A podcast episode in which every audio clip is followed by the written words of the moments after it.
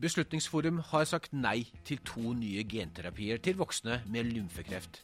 Den nye behandlingen som kalles CAR-10, ble utnevnt til årets fremskritt av den amerikanske kreftforeningen i 2017. Behandlingen innebærer at man henter ut immunceller fra pasientens eget blod, som så genmanipuleres til en persontilpasset supermedisin som dreper kreften. De kliniske studiene viser at to av tre blir kurert ved første behandling, men medisinen ble for dyr for Norge.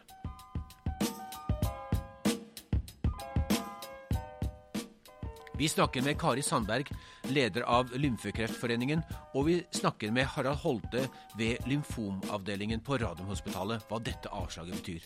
Og med oss i studio er Jan Anders Istad, som er leder for myndighetskontakt i Novartis. Novartis har forsket fram et av disse CAR-10-legemidlene som fikk avslag, og det heter Kymira. Det er onsdag 2. oktober. Det er over ett år siden Kemira ble godkjent. Flere land har tatt i bruk legemiddelet, men ikke Norge. Det er 23.9. Vi er på SAS-hotellet på Gardermoen. Her sitter de fire regionsdirektørene i Beslutningsforum sammen i et møte. I Norge er det Beslutningsforum som bestemmer hvilke medisiner som skal innføres. I dag skal de beslutte om to CAR-10-legemidler skal tas i bruk på offentlige sykehus. Bak denne døren her på SAS-hotellet på Gardermoen så sitter nå Beslutningsforum, de fire regionsdirektørene fra de fire helseregionene. De sitter og skal gjøre noen viktige vedtak på hvilke typer medisiner som nå skal tilgjengeliggjøres for pasientene. Det er særlig to typer medisiner som er interessante i dag. Det ene er eh, CAR-T-behandling, som er en avansert genmodifisert behandling hvor det er to legemiddelfirmaer, Novartis og Gilead, som har hver sine medisiner, som håper på å få en godkjenning. Dette er eh, såkalt CAR-10-behandling, eh, som bare er aktuell for en veldig liten gruppe pasienter i Norge, kanskje bare ned mot 20-30. Men denne her er den siste muligheten som disse pasientene har, etter at all annen type behandling er gitt opp. Så dette kan være livreddende behandling for 20-30 norske pasienter hver hvert år. Etter en time kommer Stig Slørdal, som er leder av Beslutningsforum ut. De har tatt en beslutning. Stig Slørdal, Beslutningsforum har akkurat kommet ut fra møterommet, og dere har gjort vedtak på elleve saker. Det vi er mest interessert i, det er å vite hva var det som dere besluttet når det gjaldt CAR-10-behandlingen av Yescarta og Kymira? Eh, I dag har vi sagt eh, det var to saker, og vi sa nei i begge de to sakene. Eh, og det var ut fra langtidseffektdokumentasjon og ut fra kostnader. Så det var ikke kostnadseffektivt slik det var lagt frem i dag. Dette gjelder jo en relativt liten pasientgruppe på 20-30 personer. Når er det, Hva vil prosessen videre være i Beslutningsforum nå? Nei, vi har jo sagt ja til selve prinsippet i en tidligere sak med KRT-behandling. Sånn at det er et prinsipp vi har sagt ja til. Eh, og så må vi vurdere hver enkelt sak. Sånn at eh, nå spilles jo ballen tilbake til eh, legemiddelfirmaene. med beskjed om at ut fra den dokumentasjonen vi har, og det kostnaden dette har, så må vi si nei. Det ble ikke godkjenning, det ble nei. Pasienter, pasientforening, kreftleger og selskapene som har forsket fram legemidlene Novartis og Gilead, er skuffet. Men kanskje er vedtaket ikke så overraskende. Vedtaket føyer seg inn i rekken av avslag. Norske pasienter er de siste i Europa som får tilgang til persontilpasset kreftmedisin. Det tar i gjennomsnitt to år fra et legemiddel får markedstillatelse til at det tas i bruk i behandlingen på et offentlig norsk sykehus. Det er bare Estland, Litauen og Portugal det tar lengre tid før pasientene får tilgang. Raskest er Danmark, etterfulgt av Tyskland og Nederland. Vi ser også at det er pasienter med sjeldne kreftdiagnoser, altså små pasientgrupper, som overhodet ikke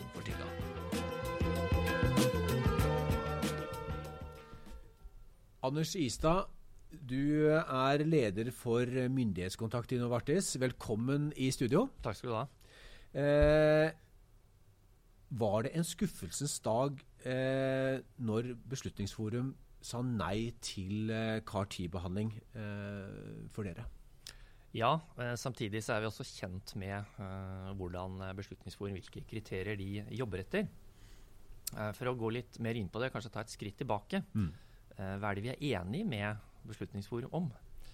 Og det er jo at For denne type avanserte terapier så er det liten datamengde. Og grunnen til det er eh, at det er dramatisk store effekter.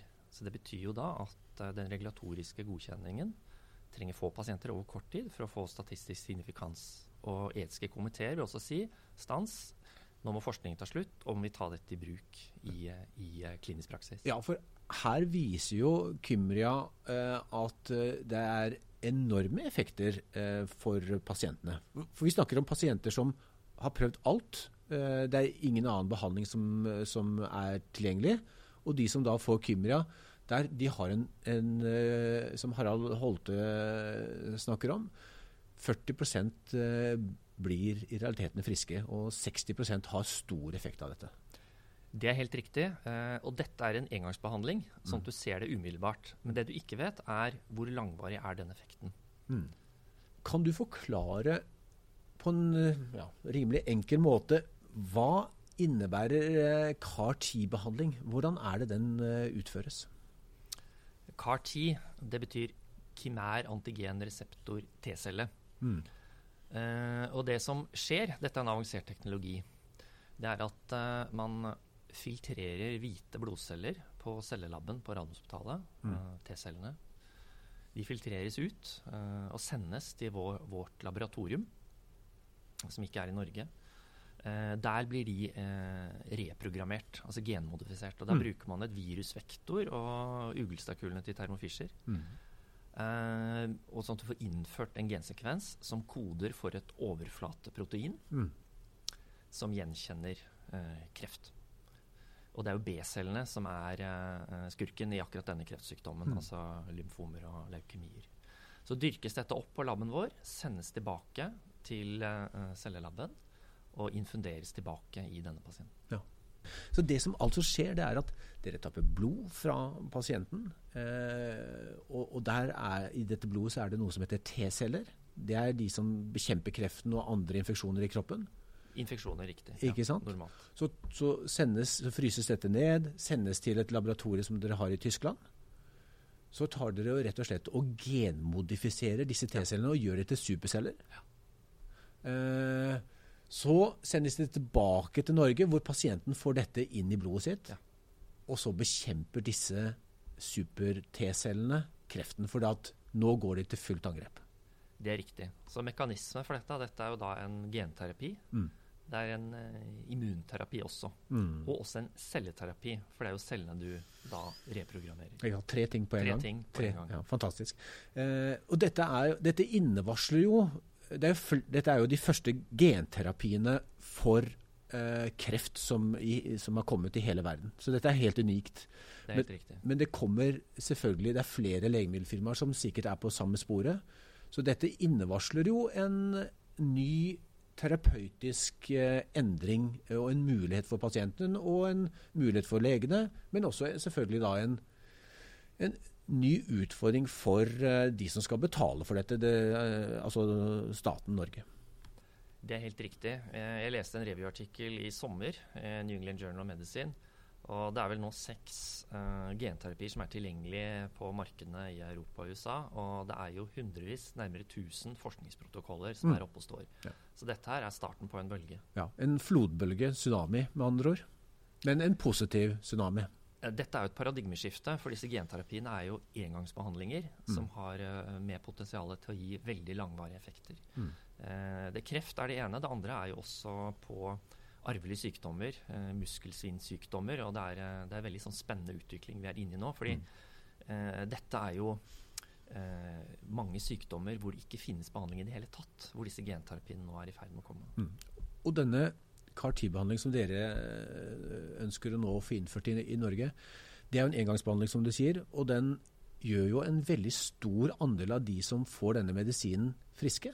Altså de, de får enten det som kalles remisjon, eller at, eh, at, at, kreften går kraftig tilbake og ikke er virksom lenger.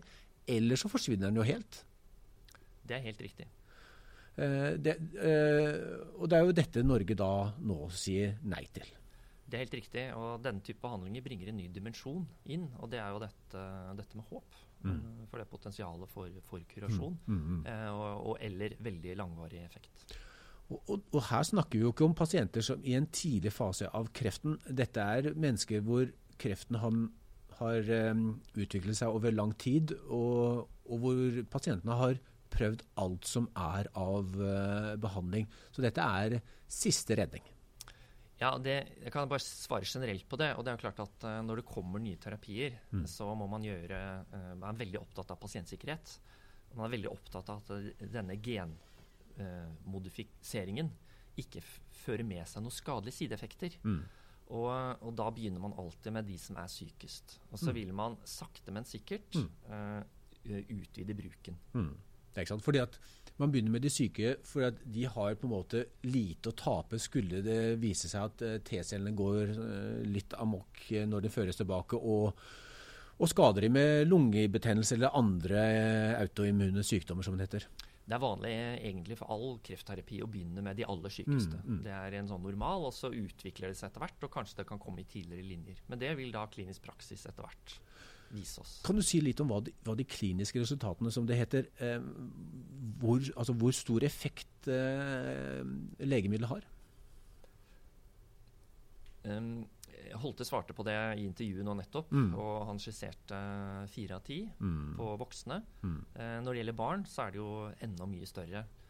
Og vi så jo i eh, Beslutningsforums vedtak, når de valgte å finansiere eh, Kymra til barn, mm. at eh, det man kan kalle absolutt prognosetap og helsenytte, der man har aldri sett så store effekter før.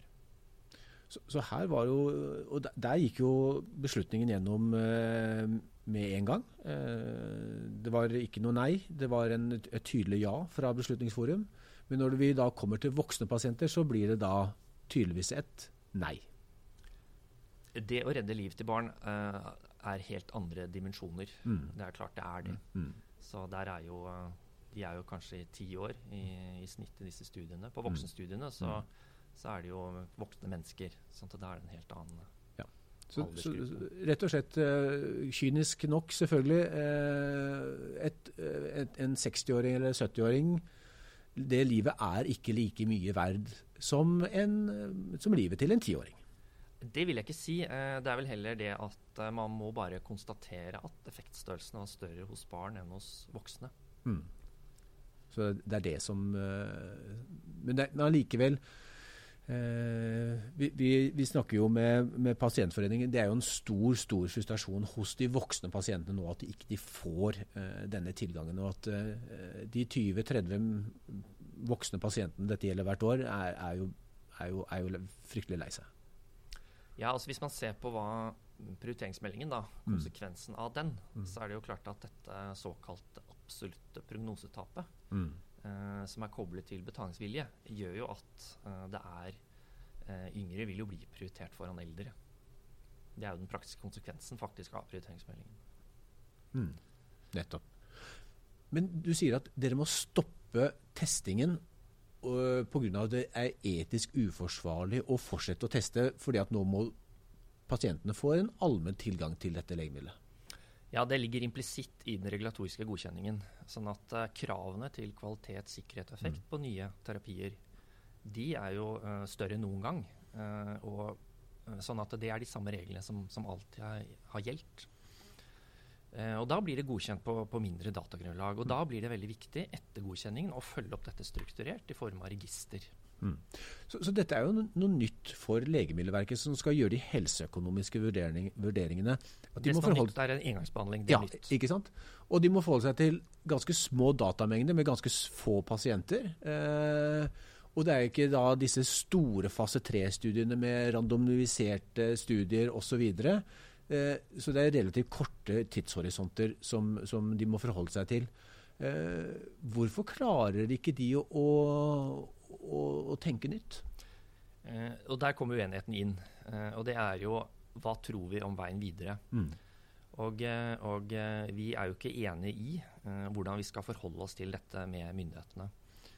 Sånn det, det, vi tenker rundt det, er at uh, man skal lytte til klinikere. Uh, hva tror vi om uh, veien videre sånn klinisk?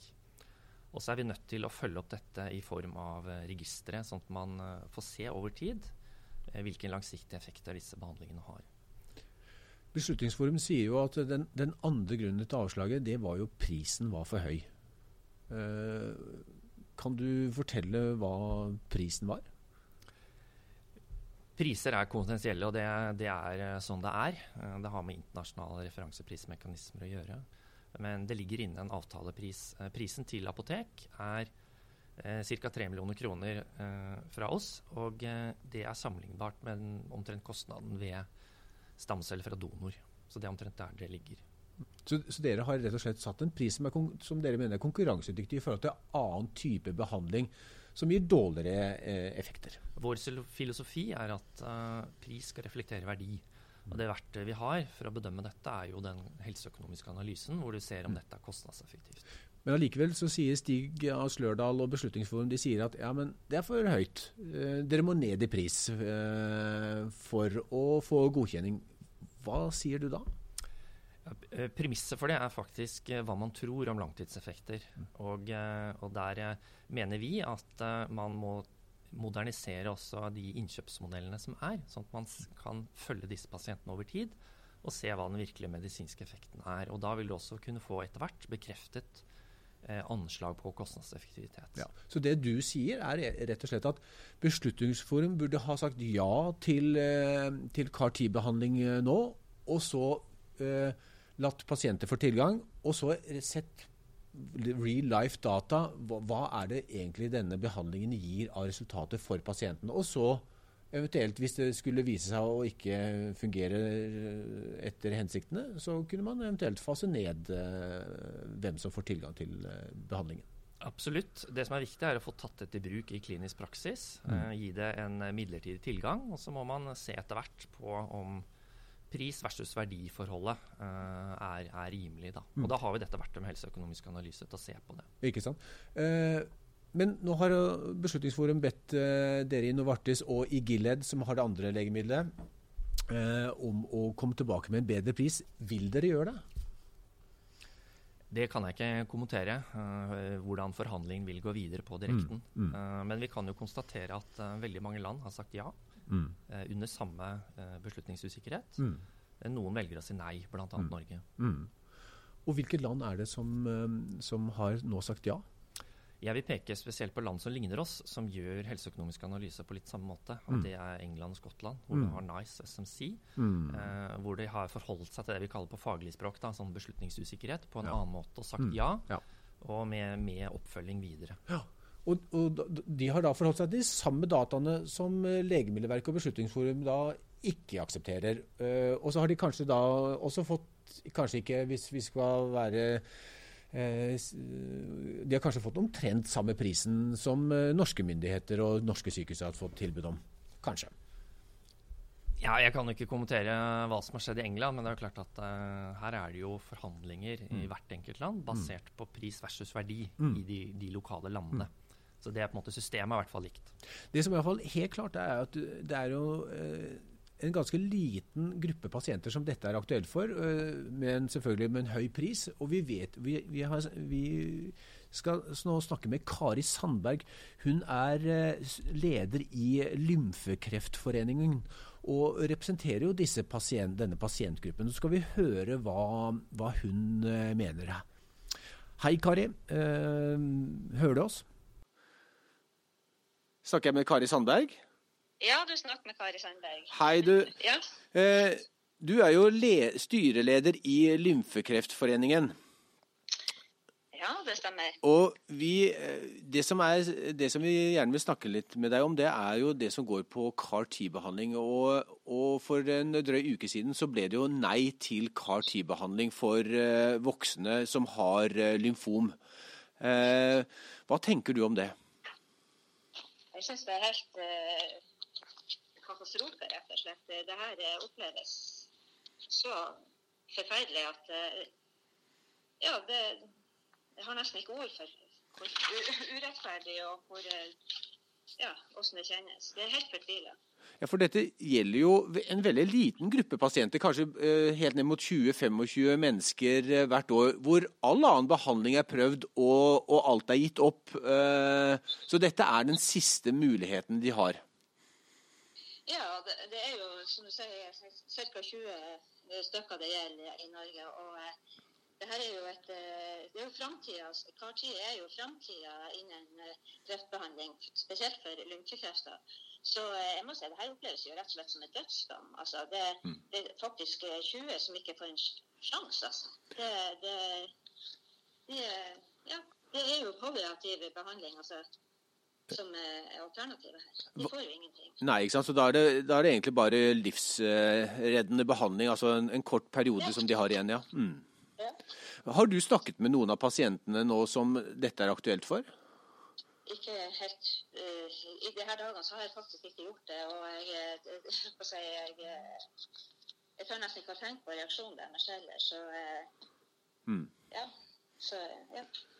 Vi ser jo av, av de kliniske studiene at, at, det er jo egentlig helt oppsiktsvekkende gode resultater når man får denne CAR-10-behandlinga. Altså to av tre eh, pasienter blir i realiteten kurert folk blir jo helt friske, noen av dem. De, ja. de er jo det. Så, eh, og det her er jo en behandling som også gis til, eh, til uh, unge under 26 år, leukemipasienter. Mm. Der går det jo kjempegodt. Mm. Ja. Eh, og, dette var jo Beslutningsforum som, som gjennomførte. Hva, hva, hva, tror du kommer til å skje nå? Ja, hva kommer til å skje? Jeg synes jo, Når jeg tenker på Beslutningsforum, så tenker jeg at de er jo satt til å gjøre en jobb. og jeg skal ikke sitte og si at jeg som skal forstå det, men det her er jo et politisk ansvar. Det, det er det det er. Det er jo eh, eh, myndig, eh, politiske myndigheter som har gitt Beslutningsforum denne rollen og oppgaven. Mm. Så her, jeg mener at politikere må ta ansvar for denne situasjonen. Ja. For det, det, som skjer nå, det er jo at det er her blir et A- og B-lag, eller et todelt helsevesen. Mm. For dette er jo en veldig dyr behandling. Eh, listeprisen er jo helt opp mot 3 millioner, 3,2 millioner eh, i USA iallfall. Eh, den er sikkert lavere i Norge fordi at man har prisforhandlet. Men det er jo veldig få pasienter som har råd til, som du sier, denne behandlingen og betale ut fra egen lomme. Så, er du redd for at det blir et A- og B-lag nå på, på, på dette? Det, jo, det, det har jo skjedd i det skjer jo hele tida. Noen har forsikring, og noen har det ikke. Og det her som, som det her gjelder nå akkurat i, i, disse dager, så er det jo, de har jo ikke sjanse å få seg en forsikring engang. Mm. For det her er jo tredje gang de har tilbakefall på ja. lymfekreft. Mm. Så, så, de er jo prisgitt håper jeg, den dommen de har fått. Rett og slett ingen behandling. Mm. Du sier dette er en politisk, egentlig en politisk avgjørelse, eller burde vært en politisk avgjørelse. Hva, hva vil dere i Lymfekreftforeningen gjøre for å, å få beslutningene tilbake til politikerne? Jeg tror vi må jeg, invitere oss sjøl inn i, til i, de politiske miljøene og, og, prøve å trykke på noen knapper her for å få eh, dem til å forstå hva det her betyr, altså, rett og slett. Mm. Folk har hele tida gått rundt og trodd på AS eh, Helse-Norge, at vi skulle få den hjelpa vi eh, trenger når, mm. vi, når vi trenger det. Ja. Men eh, nå ser vi at 20 personer i Norge får faktisk ikke den hjelpa de trenger. Og du tror at eh, det er politikerne ikke kjenner til dette, og at ikke de er godt nok informert? At det er eh, årsaken til at eh, de ikke kobler seg på? Jeg, har jeg egentlig ikke noe sånn stor formening om, men jeg vil jo tro at hvis de fikk se de her 20 personene i ansiktet og si at vet du, du får faktisk ikke noe hjelp, så tror jeg det har rørt litt grann eh, kraftigere rundt hjertet deres. Mm. Det er jeg helt sikker på. Mm. Men det var fint, Kari. Tusen takk for praten, eh, og lykke til videre. Takk skal du ha. Ha det bra. Ha det. Ja, Anders, her hører vi jo at eh, Kari Sandberg eh, sier at nå må politikerne på banen. Eh, hun mener jo at politikerne nærmest har ikke bare bundet seg til masten, de har nærmest forlatt skuta og, og la Beslutningsforum få lov til å ta, ta, ta alt. Hva er din oppfatning av det? Det er jeg helt enig i. Vi skal ikke be Stortinget saksbehandle Kymbria og disse nye KRT-behandlingene, men eh, politikerne må be eh, Beslutningsforum, systemet, å reformere innkjøpsmodellene. For de er ikke rigget for disse engangsbehandlingene. Mm. Nå, nå, har jo Stortinget en mulighet til dette. Helsekomiteen skal behandle en stortingsproposisjon som, i høst som går på lovfesting av Beslutningsforum. Hva, hva, vil du råde Stortinget og helsekomiteen til konkret å gjøre? Eh, det var jo høring om dette på Stortinget i våres. Eh, svært mange tok til orde for å evaluere hvordan fungerer dette egentlig før mm. lovfesting. Og mm. der vil jeg si at jeg er helt enig. Det mm. trengs. Eh. Hvordan fungerer dette? Fordi det er jo, ikke, det er jo mange politiske målsetninger i legemiddelpolitikken. Et av de er jo lavest mulig pris.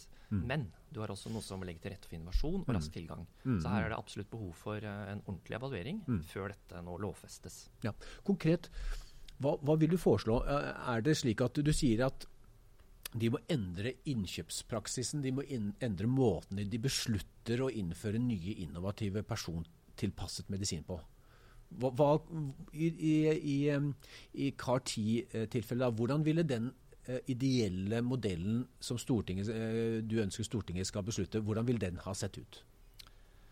Eh, da vil jeg peke på at uh, tvil om langtidseffekter uh, må ikke gjøre at uh, pasienter ikke får tilgang til behandling. Fordi du har elementer av håp inne i bildet her. Mm, Så dette mm. må gi midlertidig tilgang. Mm. Tilgang til kliniske studier, men oppfølging i form av registre. Også disse hvordan innkjøpsmodellene er organisert. Mm. Det må de også be om bli gjort. Det har ikke Beslutningsforum gjort ennå. Sykehusinnkjøp har hatt en strategiprosess nå hvor de sier at de skal etablere nye innkjøpsmodeller. Det er vi helt enige i, men vi har ikke sett det i praksis ennå. Mm. Så her må politikerne kreve handling. Så, så, du forventer nå at politikerne tar denne eh, beslutningsforumsdebatten opp på en litt bredere front enn ikke bare snakker om å lovfeste det, men også går inn og ser på hvordan er det Beslutningsforum og hele systemet for det som kalles nye metoder eh, skal reformeres?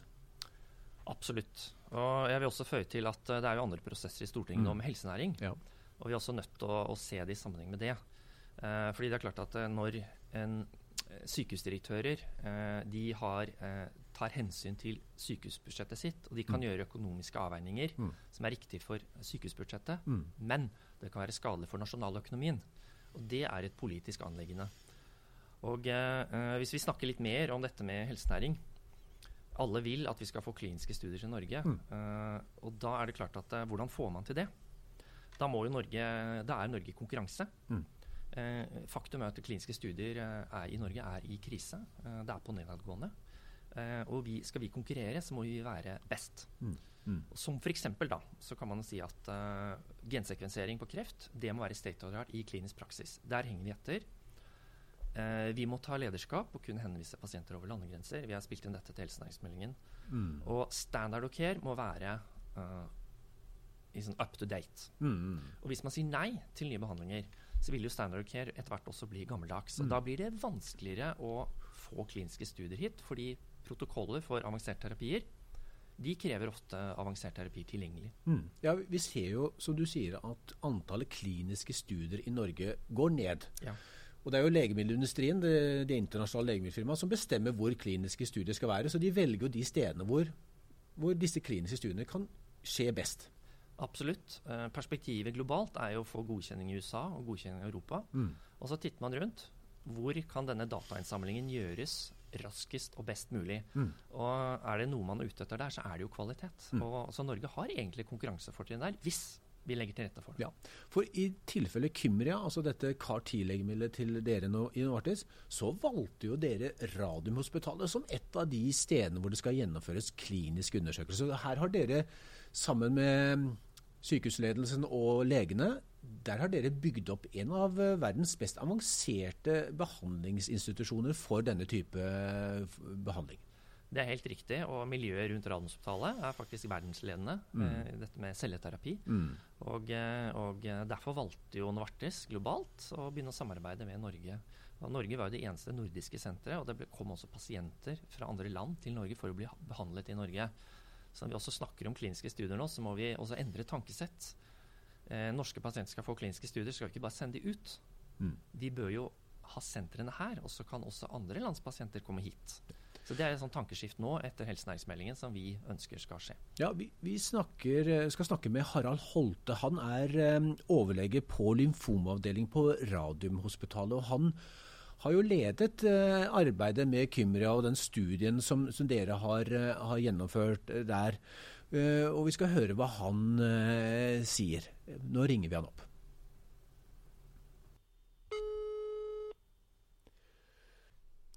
Hallo? Hei, eh, det er Hans Andersen i Heltalk som ringer. Er det Harald Holte? Ja, ja, det er Harald Holte. Hei. Hei. Du, eh, takk for at du vil snakke med oss. Eh, første spørsmål, eh, Harald Holte. Ble du overrasket over at eh, Beslutningsforum eh, vendte tommelen ned for CAR-10-behandling? Egen, egentlig ikke veldig overrasket. Jeg har jo vært litt på sidelinjen eh, i forbindelse med behandlingen til Legemiddelverket, der jeg var eh, inhabil pga. deltakelse i Novartis-studiet. Eh, mm. Eh, og eh, de beregningene de gjorde med kost-nytte, kost eh, gjorde at vi vel ikke ble veldig overrasket. For det, det, som Legemiddelverket da fant ut, var at kostnadene var for høye i forhold til behandlingens effekt. Er det riktig å forstå? Ja, og eh, i forhold til Altså, man har jo brukt eh, retrospektive studier hvor man ser på overlevelsen, men Legemiddelverket antar at det er en seleksjon av pasienter med god prognose, da, av de som får annet residiv, som eh, er relevant å sammenligne med for CAR-T-pasientene, slik at de hever overlevelseskurven i, i kontrollgruppen. Mm. Og, og, da blir jo kost-nytte-effekten mindre eh, enn en den ellers ville være. Er den, eh, det, det, du nå forteller, eh, det som Legemiddelverket gjør, er, er, det slik at Legemiddelverket er mer konservative i Norge enn eh, kollegene deres i andre land som vurderer de samme kliniske studiene? Det er jo slik da at det er jo noen land som finner at kost-nytte-effekten ikke er god nok. Finland, Nederland, Danmark. Men de fleste land ser på det som eh, regningssvarende, eh, for å si det sånn, da, når det gjelder kost-nytte. Mm. Så det er forskjellige måter å vurdere dette på. Ja. Så, og Det som vi ser fra studiene, det er de som er levert inn til Legemiddelverket, det er to av tre blir faktisk kurert når man får denne CAR-10-behandlingen? Nei, det, det, er ikke riktig på den. Det er håp om at eh, størrelsesorden 40 eh, kan bli kurert. Så ja. det er fire av ti. Fire av ti, ja. Mm. Mens det, er, eh, det, kan være to av tre eh, som oppnår en, en, en, god remisjon, som vi mm. sier. Altså en god tilbakegang. Hvorav de fleste er komplette tilbakeganger. Mm. mm. Hva tror du nå kommer til å skje? Beslutningsforum sa nei. Hvor lenge er det til eh, pasientene kan få en, en, et tilbud om denne behandlingen i Norge, tror du? Eh, det, det er jo uvisst, da. Det er jo også et prisspørsmål. Eh, og det kan være de vil avvente et bedre pristilbud, for å si det sånn. Eh, og eh, lengre observasjonstid og flere data på eh, CAR-T-behandling på den indikasjonen som det ble søkt på. Ja, Så det kan, det, kan, det kan, i prinsippet ta et år, eller det kan ta to år og, og lengre? Det er uvisst, det er uvisst fra, fra min side mm. hvor lang tid det vil ta. Mm. Harald Holte, tusen takk for, for samtalen. Vi går videre i sendingen. Takk skal du ha. Ja, dette var Harald Holte. Eh, hva, hva, tenker du om det han sier eh, om dataene og, og, tryggheten i de kliniske studiene på, på, hvordan det dokumenterer effekt? Det er helt åpenbart at uh, nyttige risikovurderinger er i favør at dette bør tas i bruk mm. på norske pasienter. Mm. Uh, når det gjelder dette vanskelige med å spå langtidseffekter, Eh, det er veldig sammensatt, uh, fordi det går på de dataene vi har. Uh, statistiske modeller for å ekstrapolere. Historiske kontroller. Dette, er, dette, er, komplisert. Mm.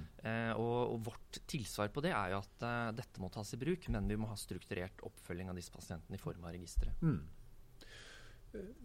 Litt tilbake til det som du sa om helsenæringsmeldinga. Nå har vi jo da eh, endelig en klinisk studie som er gjennomført i Norge. Det er en behandling som både leger og pasienter eh, nå ønsker skal gjennomføres, men som da fått tomle ned. Hvor vanskelig kommer det til å bli å få kliniske studier, nye kliniske studier i Norge, når, når eh, de internasjonale legemiddelfirmaene ser at Norge er så langt bakpå på å godkjenne disse legemidlene når de først er klare?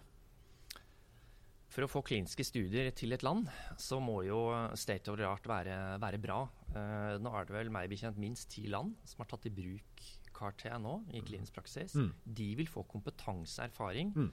som Norge ikke vil kunne videreutvikle. Så det er helt klart at dette vil gjøre det vanskeligere å få kliniske studier hit. Så du mener at Norge nå, eh, med den beslutningen som ble tatt eh, om å si nei til CAR-T, så, så, så, kommer vi bakpå eh, når det gjelder å få nye kliniske studier til Norge? Ja, det er fordi eh, globalt så vil man gå til de beste sentrene. Mm. Og nå vil jo da Norge ikke ta dette i bruk i klinisk praksis, det vil andre land. Mm. Og Da vil jo vi ikke få den erfaringen andre land får. Og Når man da skal velge seg ut studiesenteret, så er det klart mm. at det vil spille negativt. Nå er eh, det ble et nei. Eh, Beslutningsforum har sagt at nå må dere komme med ny pris og nye kliniske studier. Eh, pris kan man jo alltid diskutere, men, men dataene, det er ikke så lett å gjøre så mye mer med uten før du begynner med å få klinisk effektdata. Så, så, så dere, dere, har ikke så mye mer data å, å komme med til eh, Beslutningsforum, hvis vi forstår det riktig? Jo, data vil alltid komme mer av. Og nå blir dette tatt i bruk i klinisk praksis i mange mm, land. Ja. Sånn at uh, disse registerdataene, uh, de vil komme. Så over tid så vil det komme mer og mer data. Ja, men ikke data fra Norge, dessverre? Nei, det vil det ikke. Og målet om rask tilgang til ny behandling vil jo da ikke bli oppfylt, fordi vi velger å sitte og vente. Hva, hvor lang tid kommer det til å ta før norske pasienter får eh, CAR-10-behandling, tror du? Det vil jeg ikke spekulere i. Eh, nå har vi fått et avslag, og vår dør er alltid åpen, og vi vil ha kontinuerlig dialog. Uh, og, og, hva betyr den dialogen konkret? Jeg skal ikke ta de forhandlingene på direkten, men jeg kan si på generelt grunnlag så er det klart at det å etter hvert komme med nye data, mm. uh, halvårlig eller tremånedlig, litt alt ettersom, det er jo noe som er vanlig egentlig når det gjelder introduksjon mm. av nye legemidler. Så det er sånn kontinuerlig løpende prosess. Mm. Så vi snakker jo ikke om, uh, om, en ny prosess i Beslutningsforum neste måned eller neste uke. Uh, det kommer til å ta tid for pasientene. Det er vanskelig å si. Mm.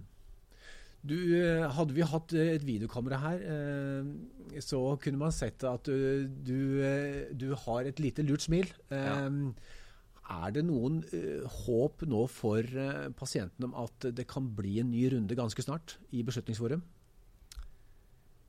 I forhandlinger så er det alltid sånn at uh, løsninga kommer raskt. Mm. Eller de kan trekke ut veldig lenge. Mm. Jeg vil si, med premisset for dette avslaget, så er det all grunn til å tro at man, pasienter vil kunne måtte vente lenge. Mm. Vi kommer i alle fall til å følge saken uh, nøye fremover, uh, og hvordan dette kommer til å gå. Uh, vi håper på vegne av pasienter og, og leger at dataene kommer raskt, og så følger vi saken videre. Tusen takk for at du ville komme og snakke med oss, Anders. Det var veldig spennende. Tusen takk for at jeg fikk komme. 比谁是老的？